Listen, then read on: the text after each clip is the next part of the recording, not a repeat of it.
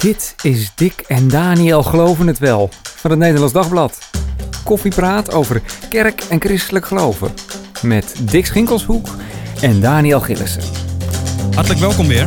Ik ben uh, Daniel en tegenover mij uh, zit Dick, zoals elke week. En wij uh, gaan spreken over de Matthijsen in de kerk, Dick. Ja, en dan wil ik toch even weten voordat we beginnen, Daniel. Wat is nou het meest vernederende dat jij ooit tegen een collega hebt gezegd? Goeie Um, nou, ik ben volgens mij heb ik geen mensen uitgescholden. Wat denk ik wat een beetje mijn uh, probleem is, is een beetje de, ongeduld, de druk, de snelheid. En daarmee uh, denk ik mensen te weinig ruimte geven, zeg maar, om hun weerwoord te kunnen geven. Of te zeggen, uh, wil ik dit eigenlijk wel? dat het een soort opdracht is, dit moet je uitvoeren. Geen autonome keuze, maar, maar gaan. Daar is denk ik een beetje het risico. En daar heb ik ook wel eens sorry voor moeten zeggen maar jij? Dat is jouw Matthijs van Nieuwkerk trekje. Ja, ja nee, ik, uh, ik geloof zelf heel erg in coachend uh, leiding geven. We gaan maar. natuurlijk zo meteen hebben over wat is nou een goede manier van leiding geven. Maar ik ben ook beslist wel eens uit mijn slof geschoten hoor. Tegen een, tegen een lid van mijn team. En daar schaam ik me dan echt wel, echt wel enorm voor. Uh, ja. mensen moeten me ook maar corrigeren als ze nu luisteren en zeggen: Nou, maar we kennen jou ook echt op een hele andere manier. Ja, er komen nu gewoon meldingen binnen straks over ons. dat denk ik ook. Dat, dat, gaan we zien. Maar waarom hebben we het hierover? Natuurlijk vanwege het nieuws hè, van uh, Matthijs van Nieuwkerk, de presentator van het bekende televisieprogramma De Wereld Draait Door. Alweer een tijdje gestopt, maar uh, als De Wereld Draait Door. Je gaat ook nu echt net zo snel praten als, als, dat, als dat hij deed. Dat vind ik echt heel knap. mijn autocue hier die staat hier voor, die gaat, geeft alles goed aan. Nee. goed, hij zou zich jarenlang de schuldig hebben gemaakt aan grensoverschrijdend vernederend uh, gedrag. Lomp gedrag zou je al kunnen zeggen. Uh, we praten daar ook deze week weer over met twee gasten. Wat is nou goed leiding geven? Uh, vooral ook in de kerk. En hoe herken je mensen die manipuleren? De mannetjes, de bullenbakken. en ja, hoe zou de kerk er misschien gewoon anders moeten uitzien? zou dat wel anders kunnen? onze eerste gast is Willem Smouter. Dominee in de Nederlands Geformeerde Kerk in Apeldoorn uh, blogt regelmatig over leiderschap en ziet ook vaak dat het misgaat uh, in de kerk. Je bent altijd adviseur, leidinggever in de kerk. dominees, dat zijn toch helemaal geen bullenbakken, Willem?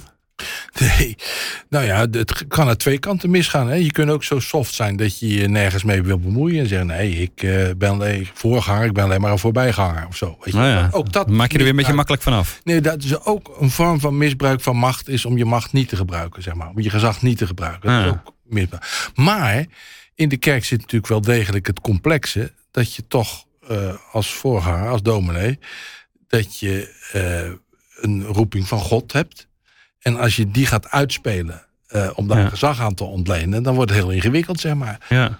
Uh, het, ja, God zet tot mij, zeg maar dat. ja, dat, zijn een, dat is van de dingen die mis kunnen gaan. En die ook misgaan, inderdaad. Verder moet je natuurlijk zeggen dat hele complex van Matthijs van Nieuwkerk had ermee te maken dat hij zo'n verschrikkelijk succes had. Larger than life. Er zijn niet heel veel predikanten Die, waar dat van geldt. En ik moet erbij zeggen, waar dat wel geldt, zit er dat risico ook aan. Hè? Bij van die megakerken met van die wereldberoemde uh, mensen gaat het ook vaak mis. Ja. Goed, daar komen we nog verder op. Uh, onze tweede gast is uh, Henk-Jan Kamsteeg. Hartelijk welkom. Van de International Justice Mission. En ook uh, schrijver van verschillende boeken over, over leiderschap. Wanneer ben jij uh, een rotzak geweest?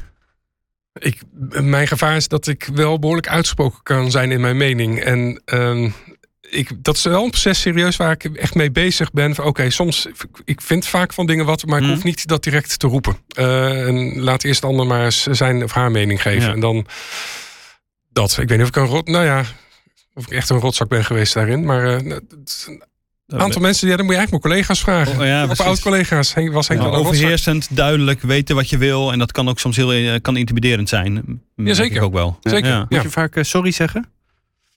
Niet vaak. Ik heb het wel eens gedaan, ja. Ik, denk, ik, moet nu, ik ga nu geen namen noemen, maar ik moet gewoon iemand denken die als die me nu hoort praten, denk je, nou, ik kan het goed met je. Maar eh, ja, dat was geen fijn gesprek of uh, iets. Ja. Dat klopt. Ja, ja, ja, ja. ja in de Volkskrant uh, vertelde dus een aantal oud-medewerkers uh, van het programma De Wereld Draait Door over de extreme woede-uitbarstingen van Van Nieuwkerk. En dan in het bijzijn van andere medewerkers die werden toegeschreeuwd, vernederd, geïntimideerd. En veel medewerkers kregen daarna ook te maken met stress en burn-outs en andere ernstige psychische klachten. Willem, jij twitterde erover, hè? Van iets van de, de, hele wereld draait door lijkt wel op een, op een secte. terwijl je als fan ook wel, hey, je, je, je, liet ook weten dat je het programma wel veel gekeken hebt. Ja, dus dan zit je ook naar jezelf te kijken. Van hoe komt het dat ik dat toch eigenlijk wel mooi gevonden heb, zeg maar. Ja. ja.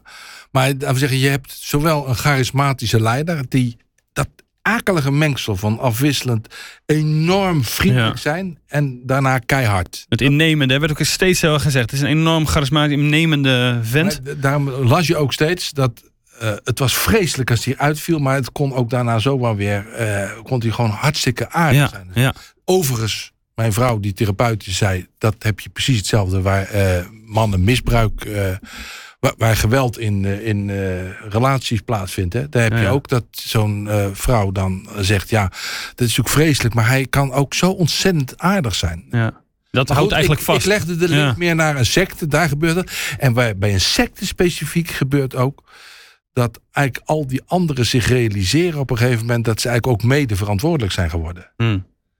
Uh, ja, ja. En dat hoort niet meer zeggen van hij, al die was mensen, het... Nu we het hierover hebben, zeggen ze allemaal verrek. Ja, we, hebben het eigenlijk, we wisten het eigenlijk, hebben het laten gebeuren.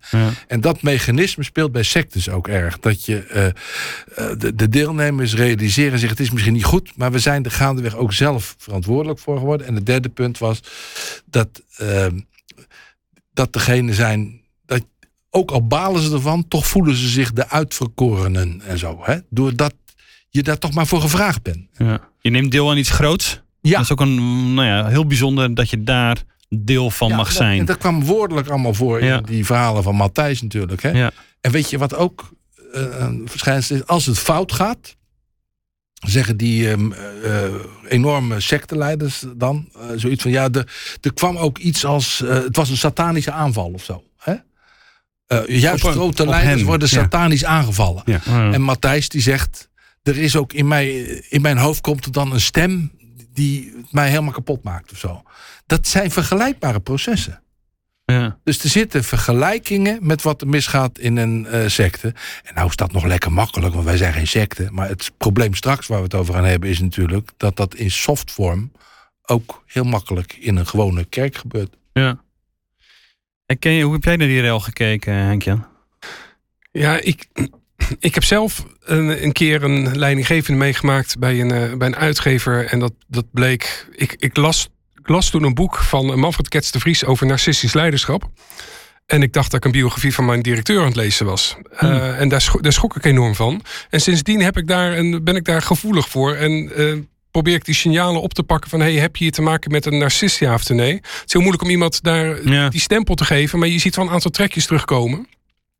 En als ik dan hoor dat hij tegen de medewerker zegt... ga op je knieën en zegt... eh, eh, ex- eh, sorry, meneer Van Nieuwkerk... dan denk ik, hoe durf je? Ja, ik kan er echt, ik kan er echt link van worden. Ja. Hoe, hoe durf je je zo jouw positie te misbruiken... om iemand te vernederen? En ik kan daar heel slecht tegen, moet ik zeggen. Ja, dat is pure vernedering wat je dat dan ziet gebeuren als, als, zoiets, als je zoiets vraagt van iemand, dan is het alleen maar om iemand Ja. kapot te maken. En dan kan je nog zo druk zijn en nog zoveel stress ervaren... en nog zo willen, willen, willen jagen. Het kan me niet schelen. Je gedraagt je gewoon normaal. En weet je wat nou het bijzondere is? Dat ze vonden een fragment terug dat hij in College Tour optrad, jaren geleden. En toen vroegen ze aan hem, vertel nou eens, wanneer was het nou voor jou het allerzwaarste? Nou, vertelt hij. Als iemand eh, op een paar centimeter afstand neus tegen neus tegen over je gaat... en je dan helemaal kapot gaat schelden. Dat heb ik wel eens meegemaakt. Dat is...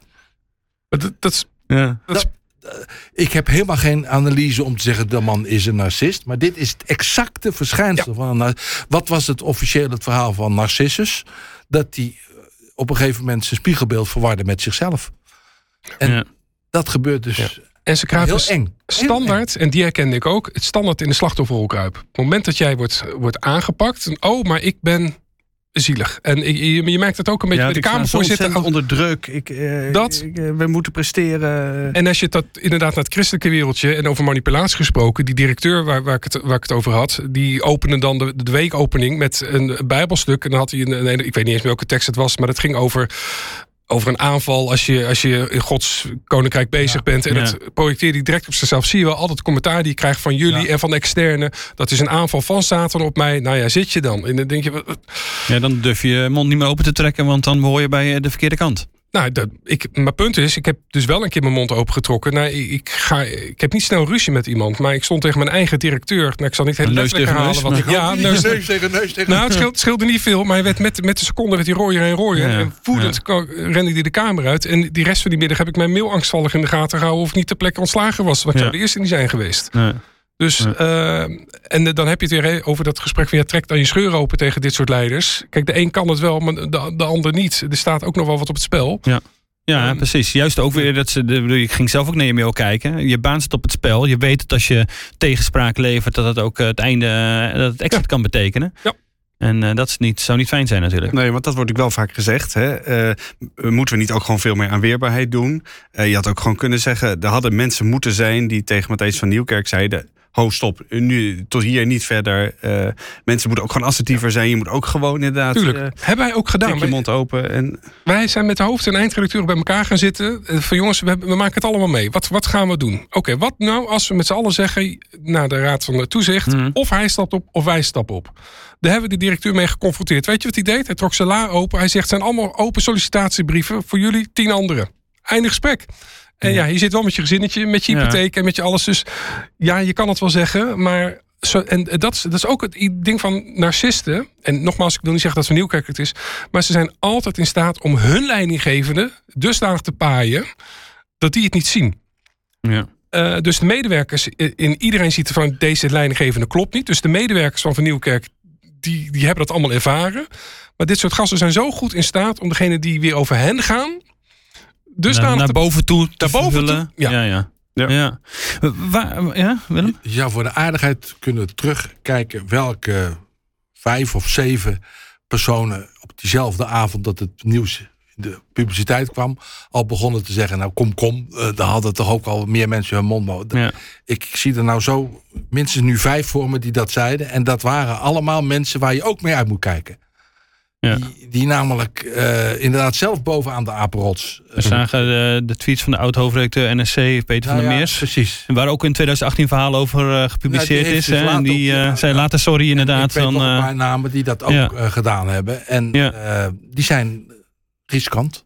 ja, ja, precies. Omdat je dan ook weer aan de, de vergoedelijke eh, de kant zit. En ook degene bent misschien die zelf een bepaalde En manier leiding heeft gegeven. Natuurlijk gewoon echt waar dat het eigenlijk wenselijk is dat mensen in een eerdere fase zelf corrigeren. Maar even, Ja. het is vooral zo dat de bedrijfsleiding die eh, zo'n geweldig talent in huis heeft, die behoort daar mensen naast te zetten die eh, vriendelijk maar beslist corrigeren eh, wanneer deze dingen gebeuren. Ja. En dus dat is wel eventjes wat ik nou eventjes over die Matthijs kwestie wil zeggen. Ik vind het wel een beetje sneu dat alles nou over hebt. Nou, dat is ook aan het veranderen. Intussen begint het ook te gaan over wat is er eigenlijk in die hele Ja, cultuur. eh, Vara ja. eh, cultuur aan de hand. En, zo. en Ja. eigenlijk is dat wel terecht. Het, eh, het, het, het, het hebben van een geweldige personality in je personeel betekent ook een extra verantwoordelijkheid. Van hoe, hoe begeleid je dat? ja, je dan hoor ik ook Henk Jan natuurlijk net zeggen... ja, maar eh, eh, zeker als je aan de leiding van, een- van zo'n bedrijf zit... dan herken je dat vaak helemaal niet. Nee. Want als ze ergens toe in staat zijn... eh, dit type... eh, dit type mensen, dit type leiders, dat is het om jou eh, een goed gevoel te geven. Ze geven je ook succes. Dat, is natuurlijk, dat maakt je natuurlijk ook enorm blind. Dat zie ik voortdurend in die discussies. Oh, sorry, ik onderbreek je. Maar je, je hebt die discussies, je, had het bij Mark Overmars. Ja, maar hij was zo'n goede directeur. Nee, Ja. als je dickpics verstuurt, ben je per definitie geen goede directeur. Hou op.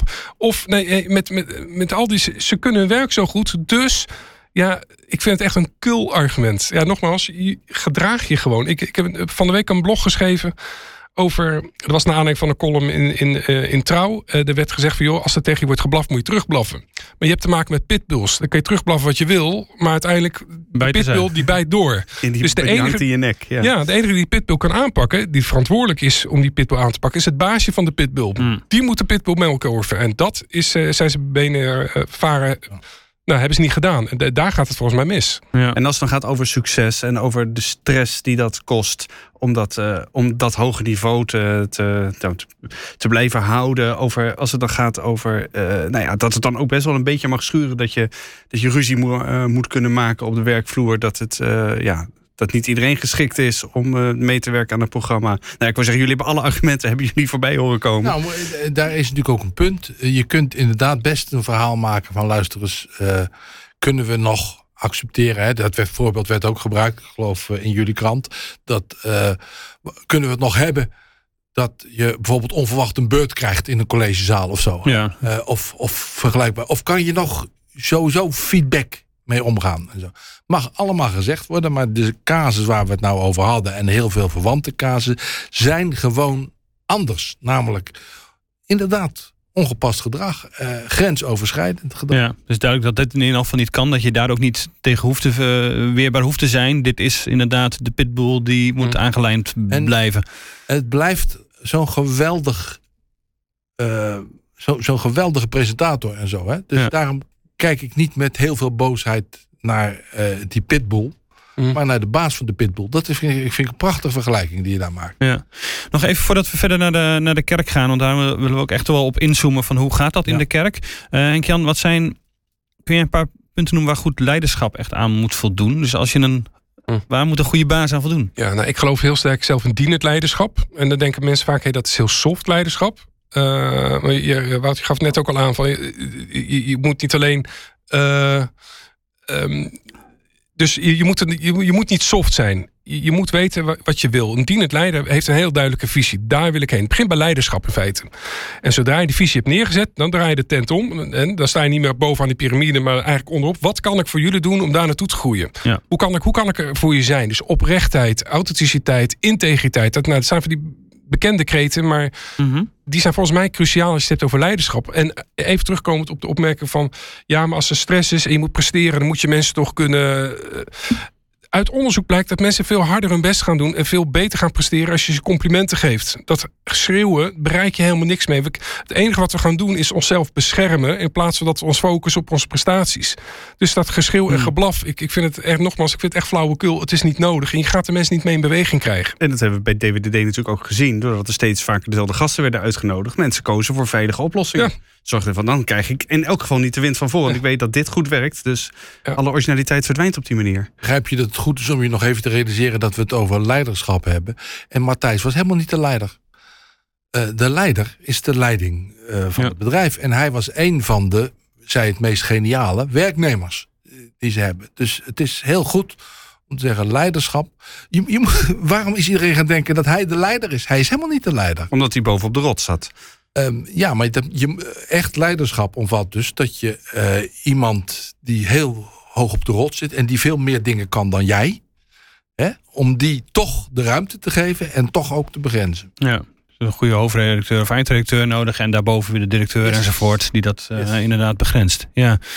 Ehm, goed, naar de kerk. Ehm, Dick, eh, jij hebt er ook even naar eh, gekeken. Van wat gaat er op dit gebied in leiderschap eh, mis in de kerk? Wat voor dingen zie jij?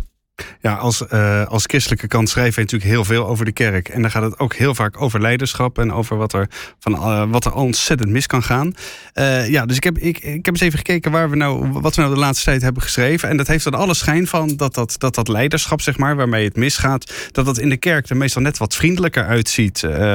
Eh, dan, eh, dan daarbuiten. Eh, ik denk niet dat je een hele lange carrière maakt in de kerk als je al vloekend en tierend door de kerkzaal loopt op zondagmorgen. Zijn ergens grenzen? Er zijn ergens grenzen, maar dat wil natuurlijk niet zeggen dat het niet, dat het niet net zo venijnig is. Of misschien nog, wel, nog wel veel venijniger. Hè? Ik bedoel, mannetjes in de kerk, zeg maar, die, die narcisten, Henk-Jan, waar jij het net over had, die sturen dan bijvoorbeeld geen, geen, geen dickpics. Hè? Even, dat zit, foto's van hun, van hun geslachtsdeel. Om even naar een heel ander soort grensoverschrijdend gedrag eh, te, te verwijzen. Maar die sturen eerder bijbelteksten uit hooglied, bleek bijvoorbeeld. Dat werkt in de kerk voor hun doel gewoon beter. Eh, en dat ziet er dan vaak wat liever en geestelijker en spiritueler uit. Maar ja, daarmee zijn natuurlijk nog steeds dezelfde manipuleren, ja. En dan, ja, precies, we hadden het net over narcisten. Eh, Daar is ook onderzoek naar gedaan. Eh, er is een heel bekend Amerikaans cijfer dat 31,2% van de predikanten en voorgangers zou lijden aan een narcistische persoonlijkheidsstoornis. Daar is heel veel discussie over, over dat getal, dat het allemaal veel minder is. Er is van alles over te zeggen. Eh, er is ook onderzoek uit 2009 onder Nederlandse en eh, Poolse eh, voorgangers en geestelijke.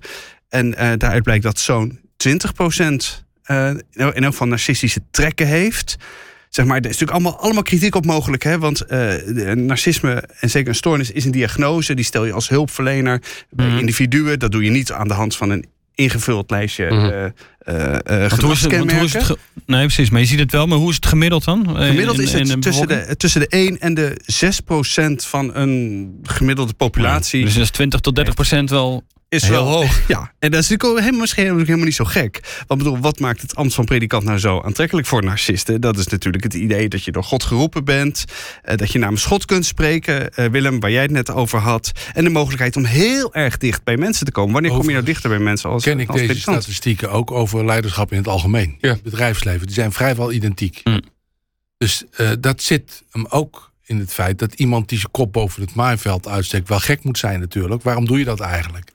Ja, je moet bijna iets narcistisch hebben, bedoel je? Ja, maar of je nou, wordt dat het niet. Dat niet. Ga je gang. Nee, sorry wat je ook ziet, is hoe langer jij een machtspositie hebt, hoe minder empathisch vermogen je krijgt in anderen. Dat, dat, mm. dat blijkt ook uit talloze onderzoeken. Dus je kan met de goede intenties beginnen, maar de, je, je, wordt op een gegeven moment aanbeden, of je wordt gezien, oh jij bent wel de leider, of je bent de voorganger, je bent de.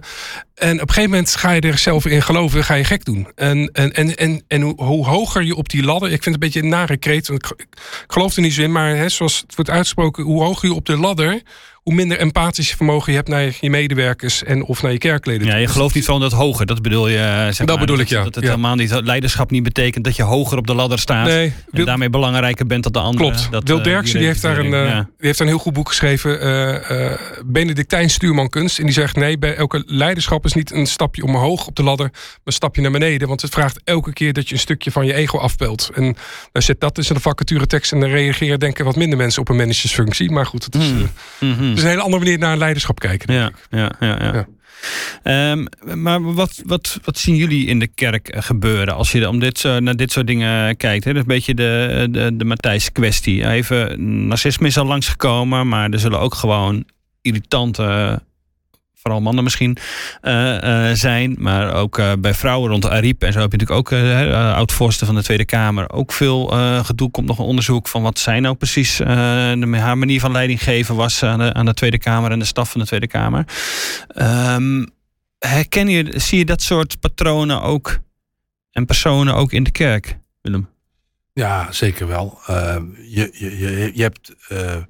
en daar speelt namelijk vooral als iemand ik zie nu een situatie voor me die ik eens heb moeten begeleiden. Ergens waar iemand uh, aan de ene kant heel veel tegenstand ondervond. En aan de mhm. andere kant waren de mensen die bijvoorbeeld velden. Mijn dochter, die heeft het geloof behouden vanwege zijn toespraken en zo. Ja. Weet je, daar ben je uitgepraat. Er is geen manier om dat te weerleggen met, ja, maar in de vergaderingen, het stelt zich on, onwrikbaar op of zo. Nee, dan heeft hij alles goed gedaan eigenlijk Zeker, al. Dat is hetzelfde ongeveer zoals, ja. ja. maar hij heeft de allerhoogste kijkcijfers. Het gaat niet eens om aantallen, maar over, diep, over oh, hoe zwaarwegend het belang ja. is. Ja. En dan is het dus verschrikkelijk belangrijk dat je daar toch omheen hebt een, uh, een kerkraad of een begeleiding. Die leert hier normaal mee om te gaan. Weet je wat mij, ik ben dus inderdaad adviseur bij uh, Kerkpunt. Dat is een soort toerustingsorganisatie. En ik stuit keer op keer erop dat als ik in een kerkenraad kom waar problemen met de predikant zijn. Mhm. Dan zitten er in die kerkenraad vaak mensen die professioneel HR uh, eh, doen en zo. En op het, in de relatie met hun predikant verliezen ze al die vaardigheden. Waar ze eigenlijk. En uh, hoe komt dat? Hoe, hoe komt het dat ze zitten te stamelen, terwijl ze dus als ze met dezelfde verschijnselen te maken hebben in hun normale beroepsleven, mm nou, dan, ja, liggen ze er ook geen nacht van wakker. En uh, dan gaan ze daar gewoon heel natural en aanspreekbaar mee om. Ja, wat is het antwoord dan? Wat, wat, uh, waardoor komt dat? Ik heb er geen ultiem antwoord op gekregen. Ik heb die vraag echt gesteld aan zo'n ja. groep die ik moest begeleiden. En waar ik zei: Nou, hoor ik dat jij een hoge HR-functie hebt. Uh, waarom heb je nou niet bijvoorbeeld uh, een jaarlijks gesprek gehad met hoe gaat het en uh, doelen uh, afgesproken. Dat hoef je niet te doen als ware het een werknemer, want dat is het niet, een dominee. Maar wel gewoon dat je het, het gesprek voeren en dat soort dingen toepassen. Normaal, ja. Normale vaardigheden die val. Ja, en dat is dan toch omdat de component God uh, daarin ja. zit. En dat is ook zo. Roeping, de geestelijke kant. Ja. Uh, en weet je, ik zal je heel eerlijk zeggen, ik ben zelf dominee, ik heb het 41 jaar gedaan. En uh, dat hele concept roeping is voor mij essentieel hoor. En tegelijkertijd zou ik wensen dat je in de, uh, in de begeleiding als een heel normaal beroep uh, kon worden uh, behandeld. Terwijl dat zou gezond zijn. Ja, dat is gezond. Die twee dingen heb je allebei nodig. Ik vind, je kunt niet dominee zijn zonder dat je gelooft dat je door de gemeente en mitsdien door God zelf tot deze heilige taak geroepen. Deze oude woorden die leven voor mij enorm. Ik zeg uit het, toch, het oude geformeerde bevestigingsformulier. Ja, ja, ik zeg het met woorden uit de oudste uh, geformeerde tradities. En die deel ik helemaal. En toch uh, zou je uh, moeten hervinden de normale omgangsvormen daarin. met, met, met iedere, met, ja, met iedere human resource, zeg maar. Je bent ook een human resource. Willem, mag ik jou vragen? Heb je ooit eens meegemaakt dat een, een voorganger... Jij, jou wordt ingevlogen, het gaat hier niet goed met, in, in de kerk met deze voorganger. Heb je ooit meegemaakt dat een voorganger... zijn ogen worden eh, geopend en dat hij inderdaad aangeeft... ja, weet je, ik, ik ben hier echt verkeerd bezig geweest. Of ik communiceer verkeerd. Of... Eh. Ik heb het met iemand die dat later zei die uh, in, in de hitte van het conflict mm zei die zus en zo en zo. En toen is hij uiteindelijk met hulp van anderen een ander vak gaan doen. En later zei hij, ik realiseer me achteraf, ja. ik ben ook gewoon niet geschikt uh, voor die job. Dit was een goed idee. Ja. Waarom, mm. waarom vraag je dat, denk Jan? Ja, ja omdat ik dat ik omdat ik het zo ongelooflijk boeiend vind. Soms, je hebt het idee van iedereen ziet het, behalve de leidinggevende zelf. En dan kan je met zo'n kerkraad aan de slag. Dus ik ben heel benieuwd, ik zou er wel eens bij willen zijn, van hoe je dat dan, hoe je dat dan aan, uh, aanpakt. Want zo'n kerkraad ziet het, de gemeenteleden zien het, maar de voorganger zelf, die, nou ja, waar hebben jullie het in vredesnaam over? Ik ben toch een groepene of nou, whatever. Ik, ik heb ooit een cursus gevolgd op de TU, eh, op de Theologische Universiteit over hoe je mentor kan zijn voor uh, pas beginnende predikanten. En daar werden allemaal geweldige tools aangereikt hoe je het beste in zijn boven haalt. En, zo, hè? en toen op het eind zei ik, ik vind dit allemaal geweldig, dan leer ik heel veel. Maar ik heb nog niet geleerd hoe moet je ooit beoordelen of die het kan of niet. Hè? En daar zeiden ze toen, dat vond ik echt heel mooi. Het is eigenlijk heel basic hoor. Maar die zei, uiteindelijk gaat dat niet over welke capaciteiten die heeft, maar in welke mate die kan reflecteren op zijn eigen bekwaamheden. Ja.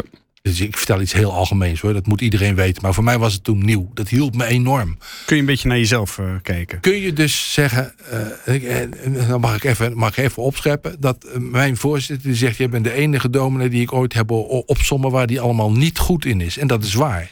ik heb meteen in het begin gezegd, die en die en die dingen ben ik allemaal gewoon niet goed in. En zo. En die, dat benul is zo belangrijk, zeg maar. Kennen jullie de raamspiegelmentaliteit waar eh, Jim Collins mee komt? Nee, eh, Collins, nou, dat is een geweldig voorbeeld, vind ik zelf. Uh, ik zei al dat ik wist dat ik iets heel gewoons zei. ja, ja. Voor mij was ja, het precies. Nee, maar, Jan, ja? Jim, Jim, Collins, dat is zo'n zo management Ja, die heeft een geweldig boek geschreven, Good to Great. Volgens mij 2001 uitgekomen. En sindsdien in elk ander boek over leiderschap wordt hij geciteerd. Maar hij heeft het over raamspiegelmentaliteit. Hij zegt, je herkent de geweldige leiders. Nou, laat ik zo zeggen, als ik een zaal aan medewerkers vraag... wanneer zie jij je leidinggevende over het algemeen? Dan krijg ik standaard het antwoord op het moment dat het fout gaat. Mm. Nou, dan ken u de, de zeemail de manager, die komt boven vliegen, krijst, poept je onder en, en vliegt weer weg. Nou, zo is waarop veel medewerkers een leidinggevende ervaren. De gewone leiders die gaan voor het raam staan op het moment dat het fout gaat. En dan gaan ze naar mensen staan wijzen door het raam. Die sukkels hadden het beter moeten doen. Op het moment dat ze succes hebben, gaan ze voor de spiegel staan. Ja, dankzij mij hebben we dit voor elkaar mm. gekregen de geweldige leiders, blijkt uit onderzoek, die draaien hem om. Op het moment dat het succes is, gaan ze voor het raam staan en wijzen ze naar mensen. Dankzij dit team hebben we dit voor elkaar gebokst. En op het moment dat het fout gaat, dan gaan ze voor de spiegel staan. Dus als jij wil weten van, hey, heb ik te maken met een dienend of met een zelfdienend leider? Wanneer ga ik voor het raam staan? Wanneer ga ik voor de spiegel staan? Nou, ik denk dat heel veel leidinggevenden, nou ja, ook hè, van Nieuwkerk waar we het nu net even over hadden, ik denk op het moment, op verkeerde moment voor het raam staan, op het verkeerde moment voor de spiegel staan. Ik vind het een heel mooi beeld. Ik kende hem niet, maar ik vind het heel mooi. En, en hij roept bij mij wat herkenning op. Ja. Mag ik dat zeggen? Ja, in de taal waarin ik dat als uh, in mijn werk doe, mhm. hè, zeg ik, uh, ik probeer me eigen te maken de aanpak van Paulus, die elk van zijn brieven opent met als ik aan jullie denk, dank ik God voor puntje, puntje, puntje. En dat en begint positief. En, en, en, dat zijn dan niet, en dat zijn dan niet de wonderen die hij daar heeft gebeuren, maar dat zijn wat wij nu de kernkwaliteiten noemen. Mhm. En ehm, eh, laten we zeggen, ik probeer dat ook te praktiseren. Eh, ik doe dat echt ook wel in de zin van dat ik God 's ochtends dank voor mooie dingen die ik. Maar soms moet ik nog weer leren om ook te doen wat Paulus zegt, dat hij dat ook gaat vertellen aan die mensen en zo.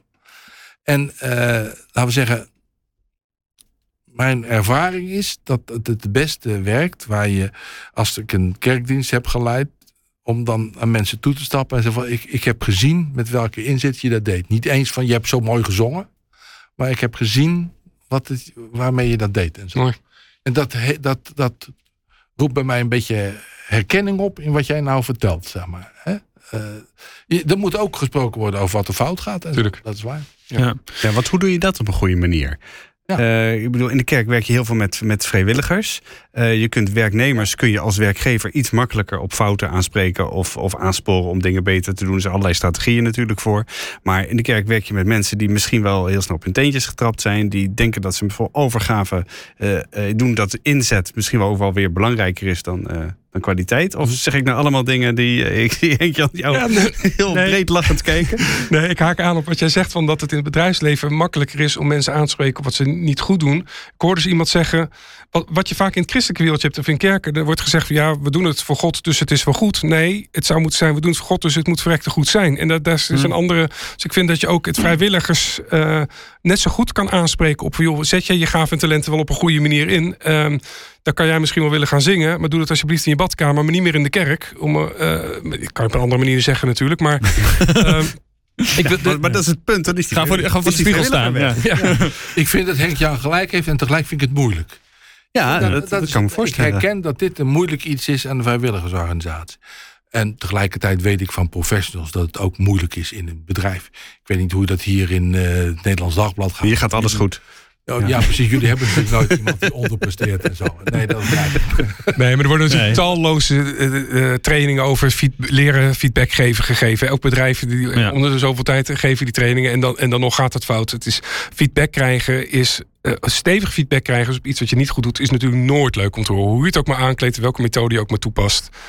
Uh, dat blijft altijd lastig, want voor je het weet uh, wordt je egootje of je ego gekrenkt en dat is nooit leuk. Nee. Dan heb je, waar haal je identiteit uit? Als ik mijn identiteit haal uit mijn schrijfwerk bijvoorbeeld, ja, dan word ik geraakt op het moment dat iemand zegt, wat een rotboek of wat een, wat, wat een verschrikkelijk artikel. Ga je mij eh, kritiek geven op mijn kookkunsten? Nou, dan doet me dat helemaal niets, want ja, dan weet ik ook wel dat ik dat niet kan. Dus het is, feedback geven het blijft een heel ingewikkeld gebeuren. En dan moet je, dan heb je weer, het moet echt op de relatie zitten. Dus als mijn directeur bij IGM mij feedback geeft op iets wat ik niet goed doe. Ik heb een geweldige relatie met haar. Dus dan accepteer ik dat en dan, dan, dan ga je mee door. Is, zou de band niet goed zijn, dan wordt het al uh, dan wordt er heel, dan wordt er heel ingewikkeld Dus dat is wel iets bela wat belangrijk is, die relatie. Ja, ja. Zorgen dat die er is.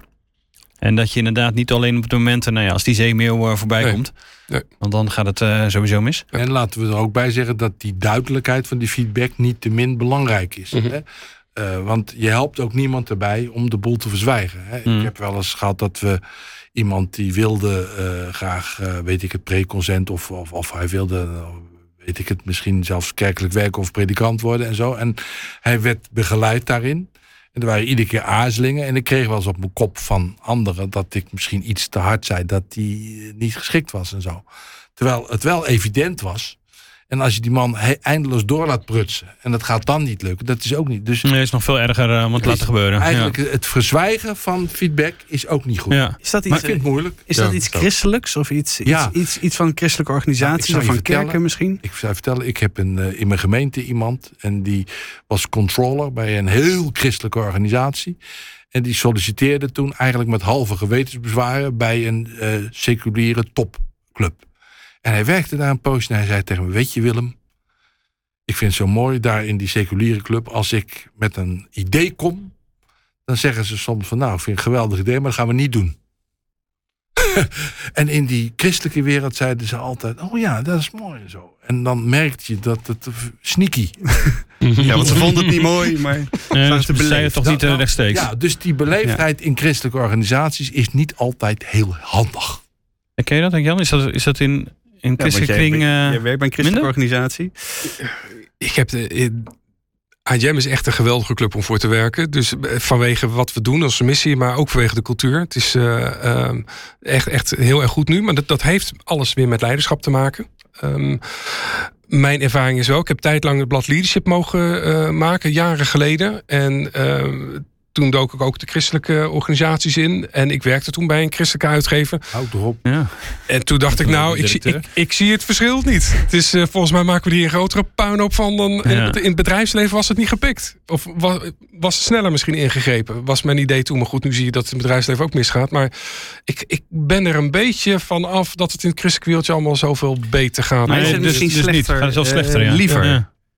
De ene zachte, wel. Zachte heelmeesters ja. maken stinkende wonden. De ene wel. Dat klopt, dat, dat, dat herken ik wel, wat Willem zegt. Maar aan de andere kant heb je ook waar het echt wel heel erg fout gaat. Ja. Um, en, en mogen we daar eens wat van benoemen? Dat het, uh, we hebben in de kerk wel allerlei dingen opgetuigd uh, tegen seksueel misbruik. Hè? Maar het besef groeit steeds meer dat dat slechts een onderdeel ja. is van machtsmisbruik in bredere zin.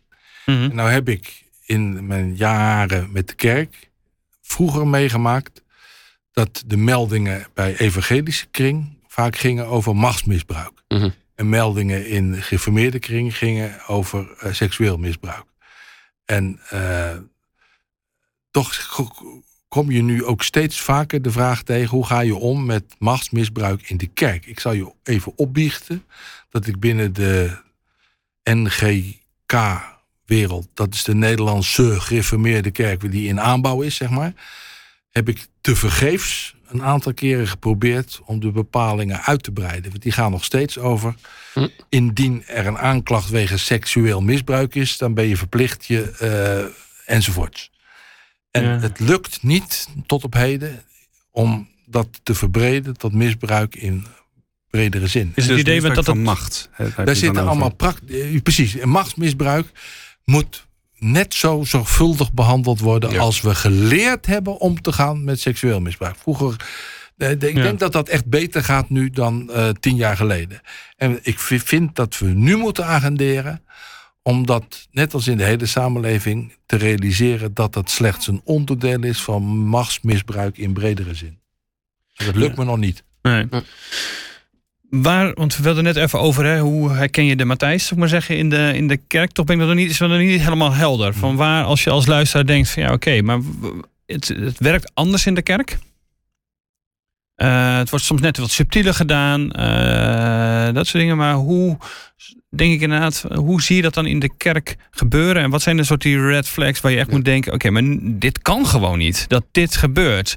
Waar ge geef me eens een paar tips waar je denkt: daar ik denk, moet opletten. Als je, als je één of meerdere keren meemaakt, of dat ook collega's hoort zeggen, op het moment dat jij de kamer uitloopt en je dan afvraagt: wat is mij hier in vredesnaam net overkomen? Wat gebeurde hier? Die vraag.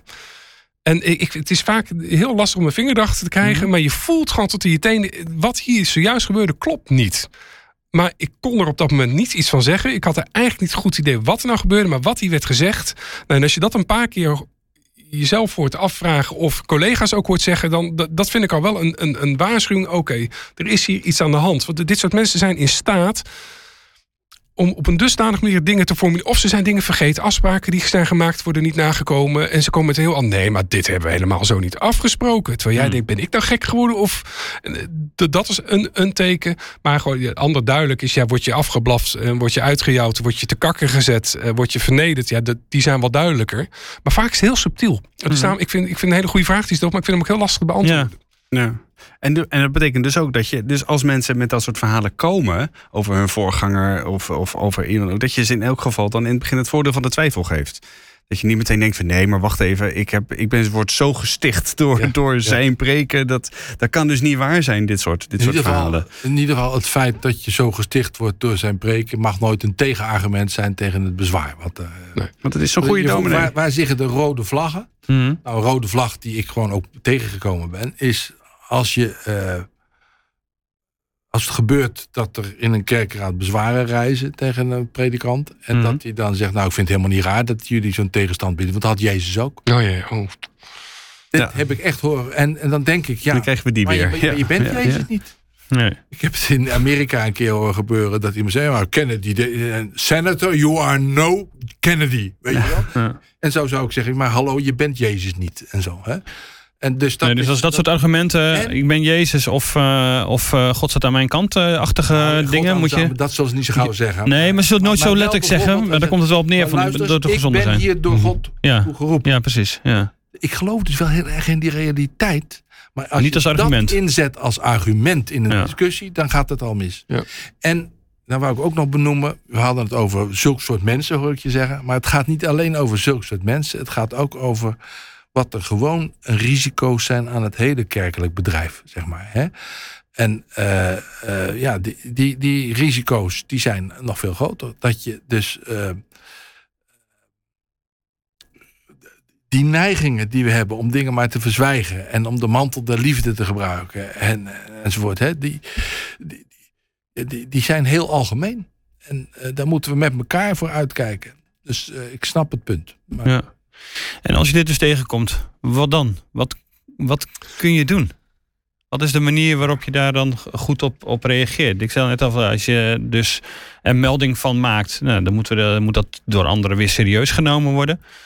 Ja, precies. Want, want natuurlijk verzinnen sommige mensen verhalen over, over voorgangers omdat ze die niet mogen. Maar meestal is het natuurlijk helemaal, is het helemaal niet aan de orde. Het, het, het heeft denk ik ook te maken met hoe ernstig de zaak is. Eh, ik haalde Manfred Kets de Vries al aan. eh, En, en die kwam op een gegeven moment de waarschuwing. Dat was voor mij ook een teken. Eh, die zegt van als je te maken hebt met echt met een narcist, kan je maar één ding doen, is maken dat je wegkomt. Wegrennen. Ja, We- echt, echt weg, want Ja. dat, dat, ga je, dat ga je niet, Ga je niet winnen. winnen. Dat ga je gewoon niet winnen. Maar goed, dan heb je het over de extreme gevallen. Eh, in andere gevallen zou ik zeggen, ja, probeer de strijd niet alleen aan te gaan. Dus zoek inderdaad wel collega's op. Maar ook kijk, is er een raad van toezicht of is er een Ja. bestuur? Is er iemand die hier zou moeten ingrijpen? Ja. Eh, in, je eentje ga, in je eentje gaat je, gaat je het niet lukken. Dus dat is ook belangrijk in, eh, in de kerk, dat leiderschap niet bij één persoon Ja. of bij een stel gelegd wordt die het helemaal voor het zeggen. Ja, ook al zijn ze er ontzettend hebben. goed in en ook al Ja. je maar een hele Ja, maar kleine dat- gemeenschap. Altijd dat ook- toezicht, Ja. mensen eromheen, uh, anderen die verantwoordelijkheid dragen. Ik, het, er zit zo'n gevaar in bij het alleen leiderschap. Je ziet het zo. Of met z'n tweeën. Of met z'n Hoor, tweeën. Ja. Oh, dan gaan ze Ja. elkaar ook nog Wauw, zitten versterken. Niet Ja. doen. Nee, Dan kun je bijna niks beginnen natuurlijk. Je Nee, kunt nooit bij de ene eh, t- nou ja, klagen over de ander, zeg maar. dat dat, kan toch niet. nee. Eh, Er wordt wel eens eh, over vragen aan mijn vrouw gesteld over waarom gaat, doet je man dat zo. Zeg, gaat hem zelf maar. Ja. Ja, terecht. Nee. nee, maar goed, je wil, eh, de, de, hè, als er twee voorgangers zouden zijn, de ene, ik ben door de ene afgeblaft, Ja, ja, dan ja. loop ik naar de ander. Mhm. Maar ja, als het een stel is, wordt dat een lastig verhaal natuurlijk. De, de preventieve kwestie is natuurlijk veel belangrijker nog. Dat Ja. juist als je zo'n voorganger hebt die enorm inspirerend is en zo, dan weet je des te meer dat je er iets van voorzichtigheid omheen moet bouwen. Ja. Er zijn ook dominees die nooit de indruk zullen wekken dat ze de hele boel domineren. Zacht gezegd. Dat komt ook voor, zeg maar. Hè? Ja. Eh, maar juist als je iemand hebt die het gewoon in zich heeft, die meteen. Want zo is het toch ook, jongens? Ja, dat, dat gaat ook- samen met, met, met charisma. Met, eh, met Dat- een lekker verhaal kunnen vertellen. Ja, maar gewoon ook eh, als je aan een bepaalde tafel ehm, zit, dan heb je mensen die hebben als vanzelf eh, de leiding. En juist daar moet je mee uitkijken. En die moeten zelf zich dat ook bewust zijn. Maar in het bedrijfsleven heb je vertrouwenspersonen. Kunnen we dat niet in de kerk? Ja, maar dat eh, heb je ook. Oh, oké. kerk. En dat is dus, dat is net wat ik net aansnijd. Dat heet nu nog vaak voor seksueel Ja. Je wil hem echt breder dan dat. En dat Ja. behoort breder te zijn. Ja. er Ja. zijn in elk boek trouwens dat tegenwoordig uitkomt over leiderschap komt de kreet psychologische veiligheid terug. Dus het is gelukkig nu wel een thema wat, wat echt wordt opgepakt. Dus eh, ja, die zou zeggen, dan, dan, zou, dan mag de kerk niet achterblijven. Pak een paar van die boeken erbij en ga. Vader wil, maar het behoort wel snel te gaan veranderen. Ja. Nou, deze oproep eh, staat. Daar gaat vast iets eh, eh, mee gebeuren. En eh, we hopen dat we daar eh, dan, als het juist ten goede keert, ook over kunnen spreken. Dank eh, Henk-Jan, dank eh, Willem voor, dit, eh, voor jullie verhaal, jullie ervaring die je gedeeld hebt. Eh, heb je hier nog vragen over? Laat het ons eh, weten. Reageer, eh, mail, eh, app. Wat hebben we allemaal, Dick? Je kunt altijd mailen naar dikendaniel.nd.nl. Precies. Vinden we heel leuk. Je kunt ook op allerlei andere manieren reageren. Je kunt ons eh, sterren geven eh, in je podcast-app. Je kunt ons liken. Je kunt ons ook gewoon heel ouderwets eh, delen en tippen aan je vrienden en familie en geliefden en bekenden en in je kerk en overal. Kan allemaal. Even door. Je moet ze niet te veel ophebelen, dan worden ze larger than life en dan gaan ze de misbruik Nee, maken. nee, dan krijgen we dat. Maar dan worden we aangesproken. Er zit hier een raad van toezicht omheen die dat eh, in de gaten houdt. Nee. Ja, zolang Eh, die denken dat jullie je werk goed doen, laat ze het weer gaan. Nee, dat Oh, ja, ja, ja, ja, ja. Het is zo ingewikkeld is Zo het dus ingewikkeld. inderdaad. Ja. Nou, hartelijk dank voor het luisteren en eh, tot volgende week. Dag.